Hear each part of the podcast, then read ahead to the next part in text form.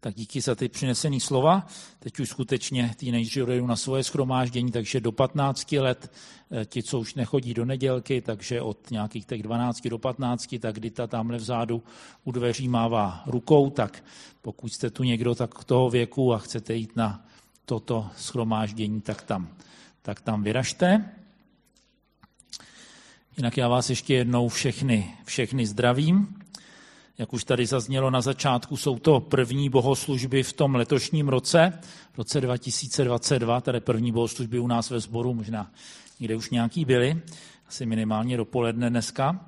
A tak jsem přemýšlel o tom, co, co sdílet a musím říct, že letos jsem už někdy v listopadu přijal takový, no mě napadlo jedno téma a to v souvislosti s takovou událostí, respektive zážitkem, který jsem měl eh, eh, předtím na podzim. Byl jsem na jednom setkání, kde jsem sdílel nějakou svoji zkušenost o tom, že v nějakém malém týmu jsme se na jaře sešli a přijali jsme, že se máme za něco modlit. Bylo to takové téma celonárodní a tak jsme e, nějak vnímali, že to máme modlit. Bylo to něco, co bylo velice nepravděpodobné, se stane, ale přesto jsme vnímali, že to máme pánu předložit a ono se to potom stalo. A tak jsem tam vlastně to přinášel jako takový svědectví a vyjádřil jsem pánu vděčnost za to, že nás skutečně slyší. A Eh, pak jsem se setkal s takovou reakcí, ono to nikdo neřekl přímo tam, ale jako zpětně se mi to doneslo, že prostě někteří lidé si nad tím kladli otázku a říkali, tady ta věc přece nelze modlitbou ovlivnit, jo? nějak se lidi rozhodují a tak vlastně dá se říct, že, se něco, že jsme za něco modlili a ono se to stalo. A já jsem s tou, eh, tou reakcí byl trochu uh, zaskočený. Není podstatné, o co se jednalo, ale jde skutečně o tu reakci, o to, že vlastně takový určitý postoj vlastně neočekávání na to, že by modlitba fakt mohla něco změnit.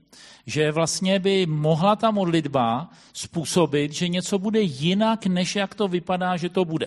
A Zmiňuji, že to byl tým lidí, kteří s Bohem žijí, kteří určitě s ním počítají, ale prostě tady v té věci reagovali takhle.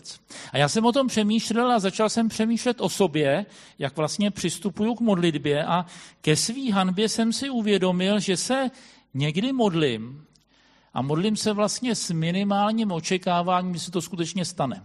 Že se prostě někdy modlím, že vím, že to je správný se modlit, předkládám Bohu nějaké věci, ale že to někdy spíš takové jako povinnosti, protože ho prostě vím, že je dobrý se jako křesťan modlit, ale že vlastně to očekávání, že ta modlitba skutečně má něco změnit, někdy není tak silný. A fakt je, že potom většinou se toho moc nestane. A současně mám tu zkušenost s vyslyšenými modlitbami.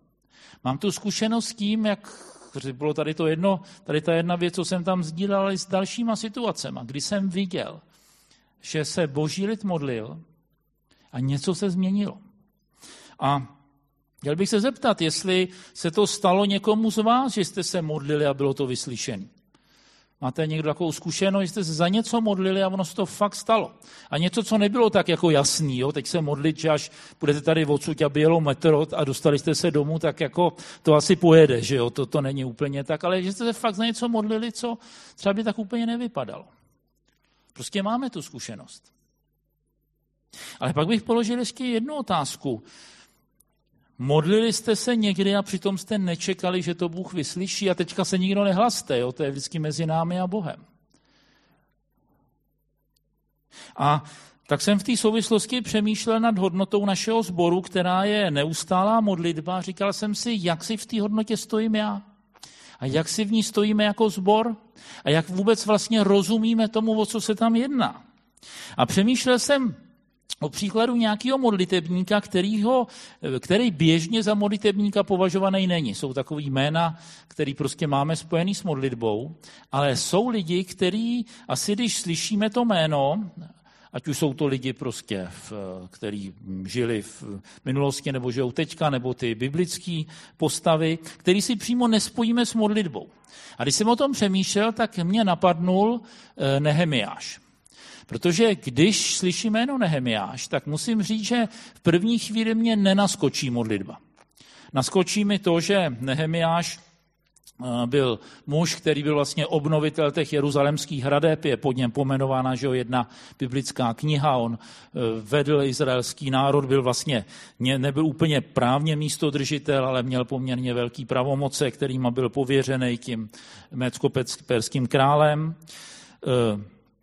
Byl to muž, který spolu s, s knězem Ezdrášem dotáhli vlastně tu náboženskou reformu mezi těmi navrátilci z, z vyhnanství a e, prostě spíš nám naskočí tady ty viditelné věci a může se stát, když nám naskočí ty viditelné věci, že se nám nějak ztratí to, co začalo ve skrytu právě modlitbou. Podívejme se trochu na ten život Nehemiáše.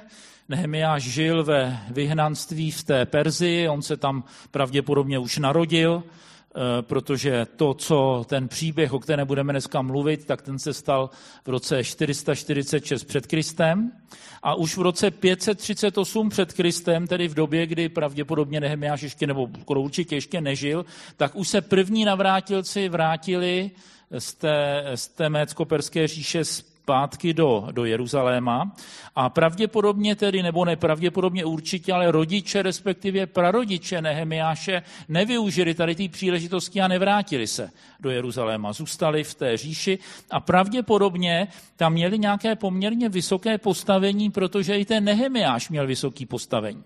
My se dočítáme, že to byl královský číšník a královský číšník v té době měl takový zajedno jako výsadní postavení, ale zaměstnání, o který se možná úplně nestáli.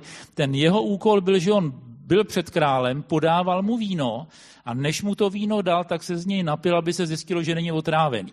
Takže ono to jako je možná neúplně zaměstnání snů, jo, chodit do práce a říkat si, otrávím se, dneska neotrávím, ale na druhou stranu bylo to prostě skutečně významný postavení. To hned tak někdo nedosáhl. A on pravděpodobně sám nikdy v Jeruzalémě a vůbec v Izraeli nebyl. Protože ono to přece bylo hodně daleko a není pravděpodobný, že by tam jako mohl se na několik týdnů vypravit. A e, ta kniha Nehemiáš začíná tím, že přichází posel z Judska a ten Nehemiáš se ho ptá říká, jak to vypadá v Jeruzalémě. Jak jsou na tom ti moji bratři, kteří tam žijí? A dozvídá se, že to nevypadá moc dobře. Eh, slyší o tom, že to je tam naopak poměrně zlý, že ti Izraelci, kteří tam žijí, takže žijou v nouzi, Jeruzalém je pořád zničený, přestože už to je eh, nějakých jako skoro, skoro nějaký 90 let od toho prvního návratu, takže pořád jsou zničený domy, jsou zničený hradby, brány jsou pořád spálený. A svým způsobem by mu to mohlo být jedno, protože on měl to svoje poměrně výhodné povolání a poměrně měl jako, prostě byl zabezpečený, ale jemu to jedno nebylo.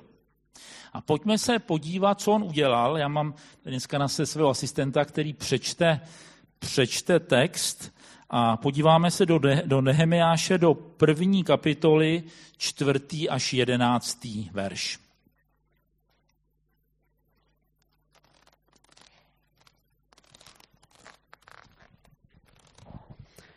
Stalo se, když jsem uslyšel tato slova, že jsem usedl, plakal a truchl jsem po několik dnů. Postil jsem se a modlil před Bohem nebes. Řekl jsem, ach, prosím, hospodine, bože nebes, bože velký a hrozný, který zachovává smlouvu a milosrdenství těm, kdo ho milují a zachovávají jeho příkazy. Nechť je tvé ucho pozorné a tvoje oči otevřené, aby slyšel modlitbu svého otroka kterou se dnes před tebou modlím, ve dne i v noci za syny Izraele, tvé otroky, a vyznávám hříchy synů Izraele, kterými jsme hřešili proti tobě. Také já a dům mého otce jsme hřešili. Jednali jsme vůči tobě zle, nezachovávali jsme příkazy, ustanovení a nařízení, která se přikázal svému otroku Mojžíšovi. Pamatuj prosím na slovo, které si přikázal svému otroku Mojžíšovi. Jestliže se spronevěříte, rozptýlím vás mezi národy. Když se však navrátíte ke mně, budete zachovávat mé příkazy a plnit je, i kdyby byly vaši zapůzení na konci nebes, schromáždím je odtamtud a převedu je na místo, které jsem vyvolil, aby tam přebývalo mé jméno. Jsou přece tvými otroky a tvým lidem. který si vykoupil svou velikou silou a svou mocnou rukou. Ach, prosím, panovníku, nechtě tvoje ucho pozorné k modlitbě tvého otroka a k modlitbě tvých otroků, kteří se chtějí bát tvého jména. Dopřej dnes, prosím, svému otroku úspěch a dej mu dojít slitování před tímto mužem. Byl jsem totiž královským číšníkem. Já děkuju. Vidíme, že Nehemiášovi není jedno, co se děje. A vidíme, že ta modlitba se skutečně dotýká jeho srdce. Pokud se totiž modlitba nedotýká našeho srdce, tak se velice často stane modlitbou formální. Jsem byl před nějakou dobou na takovém semináři a tam ten eh, člověk, co měl ten seminář, začal s tím, že jsou témata, o kterých, když se mluví v církvi, tak se lidi cítí špatně. A říkal, když se mluví o modlitbě a když se mluví o dávání, tak se lidi cítí špatně, protože modlitba a peněženka jsou blízko našeho srdce. A já bych to rozšířil ještě o třetí téma, při který se často cítíme špatně, a to je zvěstování evangelia. A když se mluví o modlitbě, dávání a zvěstování evangelia, tak se často cítíme špatně, eh, protože vždycky máme dojem, že bychom všechno, všechny ty tři věci mohli dělat víc.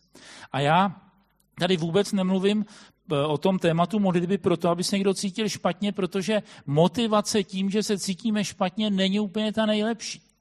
Ale to, co mě zaujalo na tom, co říkal ten brat na tom semináři, bylo to, že modlitba je jedna z těch věcí, která je blízko našeho srdce. A myslím si, že ty modlitby, které skutečně něco měnějí, tak to jsou modlitby, které jsou blízko našeho srdce, ale jsou to taky modlitby, které se dotýkají božího srdce a vycházejí z něj. A když je něco, na čem záleží Bohu, a my to vezmeme vážně a začne na tom záležet taky nám a začneme za to modlit, tak potom můžeme vidět nějaký průlomy. A podívejme se eh, jenom na několik kousků z té modlitby toho, toho Nehemiáše, protože čím on začal, bylo, že začal vyznávat hříchy. On si nestěžuje na to, že je to nespravedlivý, jak tam ty jeho eh, vlastně soukmenovci žijou. Nestěžuje si na útisk, nestěžuje si na nepřátele, nevyčítá Bohu, že něco neudělal, když něco udělat mohl. Ale on ví velice dobře, že ten stav, v jakém Jeruzalém je, to prostě není náhoda.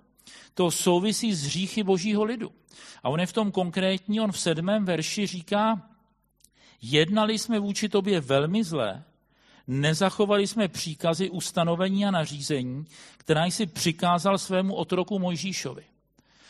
Přestože on vlastně, jeho se to nějak netýkalo, tak se stotožňuje s tím e, svým lidem. A v tom Možíšově zákoně byly jmenované určitý konkrétní věci. A my když potom čteme t, e, konec těch královských knih, jak jednali ti poslední králové, a čteme proroka Izajáše a proroka Jeremiáše, tak vidíme ty konkrétní věci který ten boží lid dělal a který byli proti těm konkrétním příkazům Možíšova zákona. A když vyznáváme hříchy svoje i božího lidu, tak to přináší uvolnění božího milosrdenství. Ne, že by Bůh předtím nebyl milosrdný, ne, že by to vyznání hříchu nějak měnilo jeho pohled, ale on eh, někdy prostě bez našeho pokání nějaký věci nedělá protože v něčem chce spolupracovat s námi. A on to i ten Nehemiáš zmiňuje od 8. verše. Pamatuj prosím na slovo, které si přikázal svému otroku Mojžíšovi. Jestli je se spronevěříte, rozptýlím vás mezi národy. Když se však navrátíte ke mně, budete zachovávat mé příkazy a plnit je, i kdyby byly vaši zapuzení na konci nebes. Schromáždím je tamtud a přivedu je na místo, které jsem vyvolil, aby tam přebývalo mé jméno. A tohle je boží plán. To byl boží plán od začátku. To byl boží plán, který už zjevoval prostě v době Mojžíše.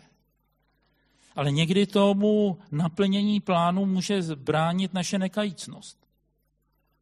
Protože k Bohu nemůžeme přicházet, nebo můžeme, ale nepřináší to žádný ovoce, pokud němu přicházíme s nárokem. Ale k němu máme přicházet v pokoře. Protože předpokladem vyslyšení modlitby je postoj kajícnosti. Je postoj, že přebíráme zodpovědnost za svůj život. Ale dokonce i za životy božího lidu, do kterého jsme součástí. A označíme to, co je špatné, za špatné. A vidíme, že to nebyla nějaká krátká modlitba. V tom čtvrtém verši tam je napsáno, stalo se, když jsem uslyšel tato slova, že jsem usedl, plakal a truchlil jsem po několik dnů, postil jsem se a modlil před Bohem nebes. My tady jsme to, přečteme ten text za nějaký tři, čtyři minuty, ale ono to trvalo několik dní.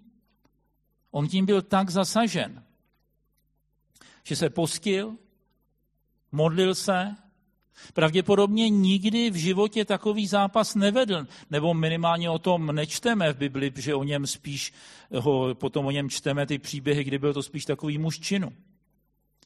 A když potom čteme ty příběhy, co on všechno udělal, tak nám může lehce uniknout, že ty jeho čin, činy vycházely z toho úzkého vztahu s Bohem. Že to, co potom čteme a čteme, že se na to podíváme, na ty věci, co nastaly, tak ty začaly tím, že on několik dnů se postil, modlil, vyznával říchy, plakal a volal k Bohu, aby se slitoval. A i mnozí další boží muži a ženy, tak my někdy vidíme to dílo, které bylo skrze jejich život, ale může se nám ztratit to, co tomu předcházelo. Třeba další takový významný muž, Jozue, to si spojíme s tím, že to byl vůdce božího lidu, ten, který uvedl Izrael do zaslíbené země, který vlastně velkou část té zaslíbené země vybojoval Izrael pod jeho vedením. Ale když se podíváme do té dřívější doby, do doby, kdy ještě Izrael vedl Mojžíš, tak čteme, že Jozue často zůstával u stánku úmluvy a trávil čas Bohem. A tak mnohdy ty věci, které jsou pak vidět, ty začínají nějakým neviditelným zápasem, kdy přicházíme před Boha.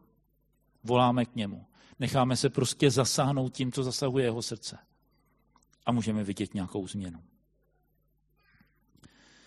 A uplynou čtyři měsíce od té chvíle, kdy se Nehemiáš dozví ty špatné zprávy, že čteme, že ten posel přišel v měsíci Kislevu a potom další ve druhé kapitole čteme o měsíci Nísanu, tam jsou, je rozdíl čtyř měsíců. A během těch čtyř měsíců bylo několik dnů těch modliteb a pustu, ale eh, jsem přesvědčen, že se ještě dál za to Nehemiáš modlil, a celou tu dobu vyhlíží, kdy dá Bůh úspěch. Kdy se stane to, za co, za co on se tady modlí v tom jedenáctém verši. Dopřej dnes prosím svému otroku úspěch.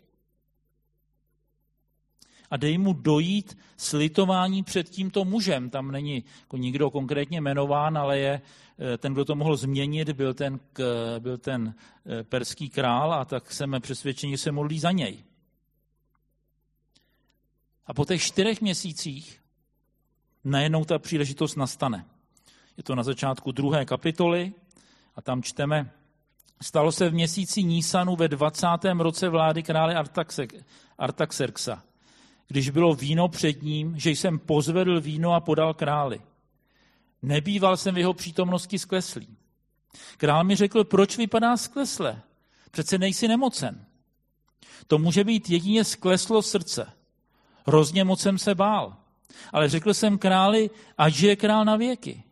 Jak bych nevypadal sklesle, když město místo hrobu mých otců je zcela spustošené a jeho brány jsou stráveny ohněm. Král mi řekl, o co žádáš? Modlil jsem se k Bohu nebes a řekl jsem králi, jestli se to králi líbí a jestliže je ti tvůj otrok milý, pošli mě do Judska, do města, kde jsou hroby mých otců, aby ho znovu vystavěl. On dělá pravidelně tu svoji práci, po čtyřech měsících znova stojí u krále a prostě ochutnává to víno a dává mu ho pít. Ale ta situace Jeruzaléma ho tak tíží, že je to prostě na něm vidět. Jestli nás skutečně něco zasáhne, tak to nějak prostoupí náš život. A je určitě důležitý, jak jsme zasaženi tím, za co se modlíme. až jakoby stotožněni s tím. Není možný se jako pravidelně modlit za několik věcí, typu jako se modlil Nehemiáš.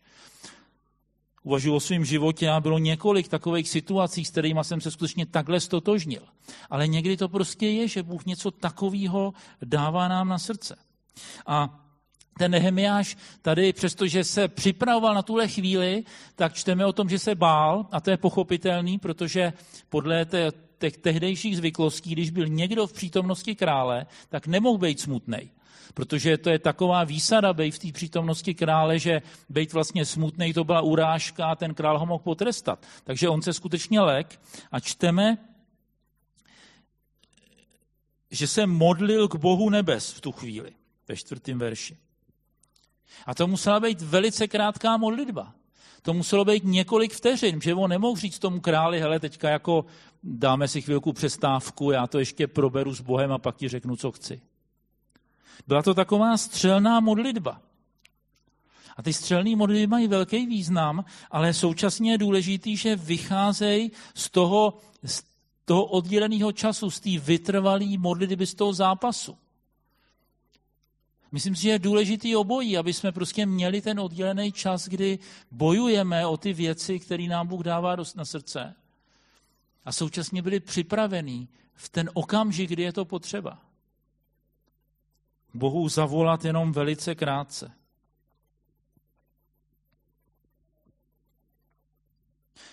Pavel, když píše do sboru do Tesaloniky, v prvním dopise do Tesaloniky v páté kapitole v 17. verši, tak on tam píše tomu zboru, neustále se modlete. Neustále se modlete. A je otázka, jak rozumět tady té Pavlově výzvě. Jak rozumět vlastně tady té zborové hodnotě, která říká neustálá modlitba. A já se domnívám, že tady eh, mluví Pavel vlastně o takových třech věcech. Mluví o tom času, který máme oddělený pro Boha, kdy se skutečně cíleně modlíme kdy prostě to není čas, který nám zbyde, ale čas, který jsme prostě připravili, oddělili a e, věnujeme ho skutečně obecenství s Bohem. Pakže tam patří ty střelné modlitby. Ta situace, kdy my jsme neustále připraveni k Bohu volat, když prostě nastane ta situace, když je to potřeba. A potom si myslím, že tam je ještě jedna věc, protože ani to by stále nenaplňovalo to, že se modlíme neustále, ale že my jako jednotlivci jsme součástí modlící se církve. A pořád se někdo modlí. Teďka se můžeme modlit my, protože v Austrálii spějí, až my budeme spát, tak zase modlí křesťaní v Austrálii. A prostě e, myslím, že každou chvíli někdo ve světě, kdo k Bohu volá. A my, když se modlíme, tak nějak vstupujeme do toho modlitebního řetězu Kristova těla. A když ten Nehemiáš vyslal tu střelnou modlitbu, tak doplňoval tu modlitbu, kdy se modlil, prosím, svému otroku dej úspěch a dej mu dojít slitování před tímto mužem.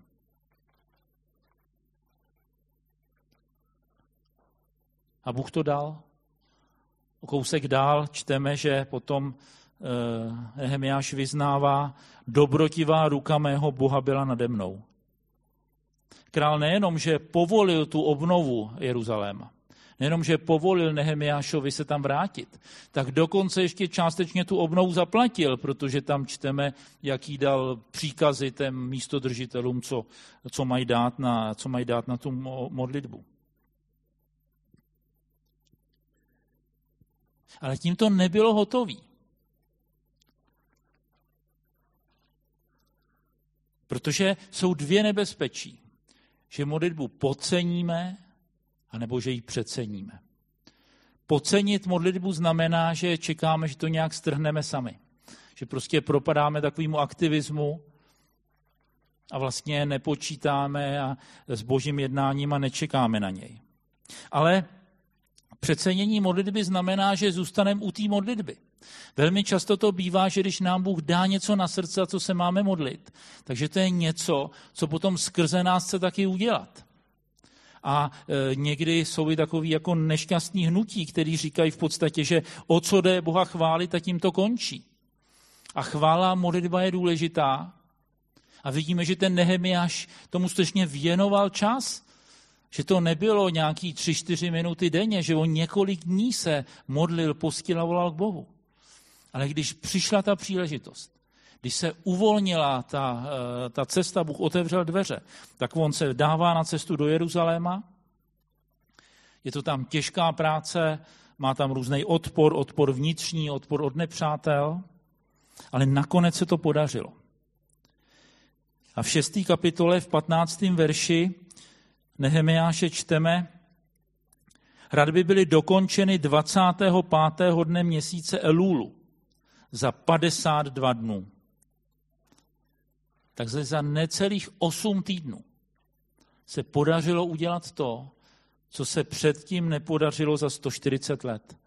Protože přibližně 140 let uplynulo od té chvíle, kdy byly jeruzalemské hradby zničený a kdy jsou za Nehemiáše obnovení. Nepodařilo se to díky nasazení a schopnostem Nehemiáše, i když i ty byly důležitý. Bez těch by to taky nešlo, ale to, co bylo klíčové, to byla boží přízeň. A to bylo to, co, co Nehemiáš vybojoval. Protože ten průlom nastal, když se modlil. Když vymodlil tu, tu chvíli, kdy stál před králem Artaxexem a kdy vybojoval to, že mu ten král prokázal milost.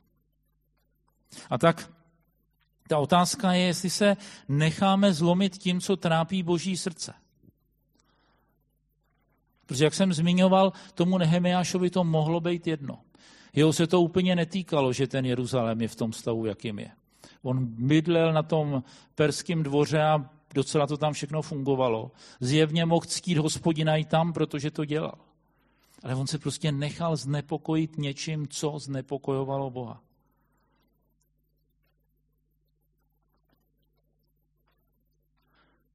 Protože když se necháme zlomit tím, co trápí Boží srdce, budeme se modlit s očekáváním, tak Bůh bude jednat. Prostě potom můžeme vidět Boží jednání. Můžeme vidět, že začnou dařit věci, které se prostě nedařily. A tak, když se dívám na ten rok, který začínáme, tak mám takový přání. Když se tomhletom roce necháme Bohem takhle natchnout, když uvidíme ty věci, které jsou v Božím srdci a které se týkají nějak nás a které mají zlomit to naše srdce. Kež vyznáváme hříchy a vytrvale se modlíme. Někdo je skutečně obdarovaný jako modlitebník a je to pro ně jednoduchý. Pro někoho se takhle několik dní modlit, jako se modlil ten Nehemiáš, je hodně těžký. Já takovýhle nasazení modlitební určitě nemám několik dnů, jsem mu několikrát v životě kratší. Ale jde o to, že prostě dáme, dáme Bohu prostor. Vyznáme hříchy a budeme se vytrvale modlit. Budeme vyhlížet tu příležitost, kdy Bůh tu modlitbu bude naplňovat. A budeme připraveni na tu střelnou modlitbu, která jakoby dotáhne to, za co jsme bojovali. Která to, co třeba trvá nějakou dobu, tak pak přijde ta chvíle toho průlomu. A pak jsme taky ochotní vykonat to boží dílo. To, co Bůh dá ve svém milosedenství, tak do toho skutečně vstoupit a naplnit ten boží plán. A tak to je taková touha pro mě, abych já taky jednal tady v tom roce a je to taky moje touha přání pro vás, aby se takhle jednali vy. Aby jsme společně jako tělo Kristovo, jako část těla Kristova, jako společenství našeho sboru, naplnili to, co Bůh připravuje. Možná něco, co připravuje už dlouho a prostě se to nepodařilo. Ale možná letos je ta chvíle, kdy se necháme Bohem zlomit, kdy se necháme použít a kdy uvidíme ten průlom díky jeho milosrdenství. Pane, tak já ti děkuji za to, že ten příklad Nehemiáše, jako někoho, kdo se modlil, ale taky jako někoho, kdo potom jednal, je pro nás. Děkuji ti, že tu hodnotu neustálá modlitba, kterou si nám dal, takže to není nějaká e, náhoda, že to je prostě výsada od tebe, že ty si nám tady to svěřil. Děkuji ti, že Eh, můžeme v důvěře k tobě přicházet a můžeme vyhlížet, že si nás budeš takhle používat. Pane, tak já tě prosím za sebe a za každého z nás, ať tě slyšíme. Ať slyšíme to, kdy ty k nám mluvíš. Ať si necháme takhle zlomit srdce a vstoupíme do toho modlitebního zápasu. Pane, tak eh, máme různý povolání jako jednotlivci a v něčem se ty naše povolání protínají v našem sboru. A tak tě prosím, ať ten rok, který je před námi, ať ho neprožijeme nějak prázdně. Ať ho neprožijeme starostma o svoje věci a o to, co se týká bezprostředně nás, ale kež eh, během toho roku uvidíme ty věci, které trápí tvoje srdce. Necháme se s tím trápit a vybojujeme to, k čemu nás voláš. Pane, tak tomu potřebujeme tvoji milost. Tak to neuděláme nějak ze svý síly. Ale prosím tě o to, aby ty, Duchu Svatý, si přišel aby ty si nás mocnil, aby si nás posilnil, aby si nás vedl k tomu, co si pro nás připravil. Amen.